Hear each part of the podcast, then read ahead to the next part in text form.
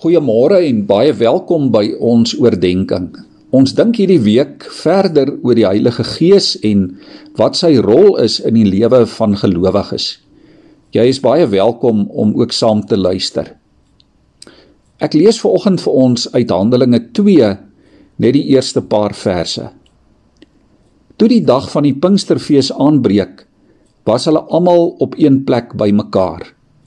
Skielik was daar 'n geluid uit die hemel soos van 'n geweldige stormwind en dit het die hele vertrek gevul waar hulle gesit het. Hulle het iets soos 'n vuur gesien wat in tonge verdeel en op elkeen van hulle gekom het.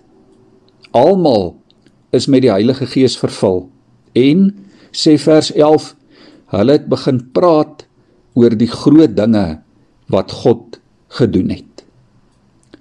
Liewe vriende, Ek het eendag 'n baie treffende beeld gehoor wat pragtig verduidelik watter verskil die Heilige Gees in mense se lewens maak.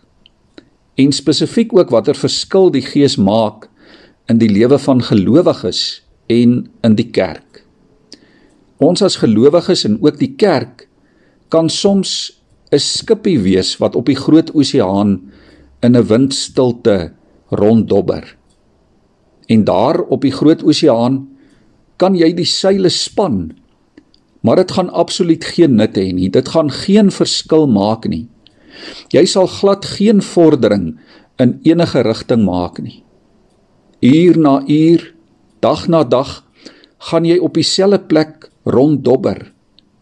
En as die see strome jou saamsleep, dan gaan jy meeste van die tyd dalk nie eers bewus wees daarvan nie. Maar dan Skielik begin die wind waai en die hele prentjie verander.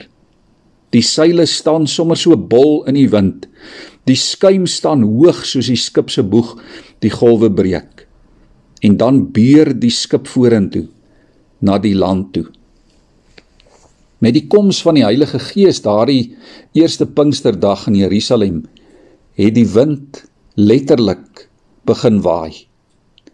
Handelinge 2 vers 2 sê daar was skielik 'n geluid uit die hemel soos van 'n geweldige stormwind.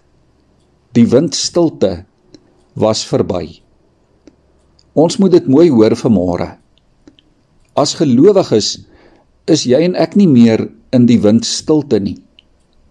Die Heilige Gees van die lewende God beer en dryf ons vorentoe na ons ewige bestemming toe. Ja, die Heilige Gees is met ons op pad en ons het 'n doel om voor te lewe. Ja, ons het 'n ewige doel om voor te leef, maar ons het ook dag vir dag 'n doel in hierdie wêreld as kinders van die lewende God. Die ergste, liewe vriende, wat kan gebeur, is dat jy en ek kan leef soos mense wat glad nie agterkom die wind van God het begin waai nie en om dit nie te weet nie. Dat jy die seile dalk laat sak terwyl die wind om jou waai. Of dalk nog erger dat jy die seile heeltemal afhaal. Seker die slegste wat jy kan doen is om jou klein roeispaantjies uit te haal en homself teen die golwe te probeer roei.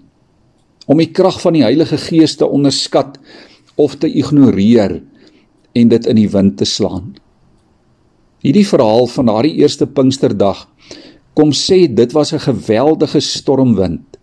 Daar was ook iets soos vuur uit die hemel. Die koms van die Heilige Gees is vir elke gelowige die krag van God wat niemand kan ignoreer nie. Mag die wind van God vandag in jou lewe waai. Mag jy sy rigtinggewende en in vernuwendende vuur in jou lewe beleef. Kom ons bid saam. Here, dankie vir môre vir die versekering van die krag van u Gees by ons en in ons. Here, ons gebed is waai elkeen wat vandag hierna luister, ook in die rigting van u ewige bestemming. Here, waai ons in die rigting wat u wil. Kom en deurbreek die geestelike windstiltes in die lewens van u kinders en van u kerk. Here kom vul ons met die krag van u vuur en laat ons die seile span en bring ons in beweging. Amen.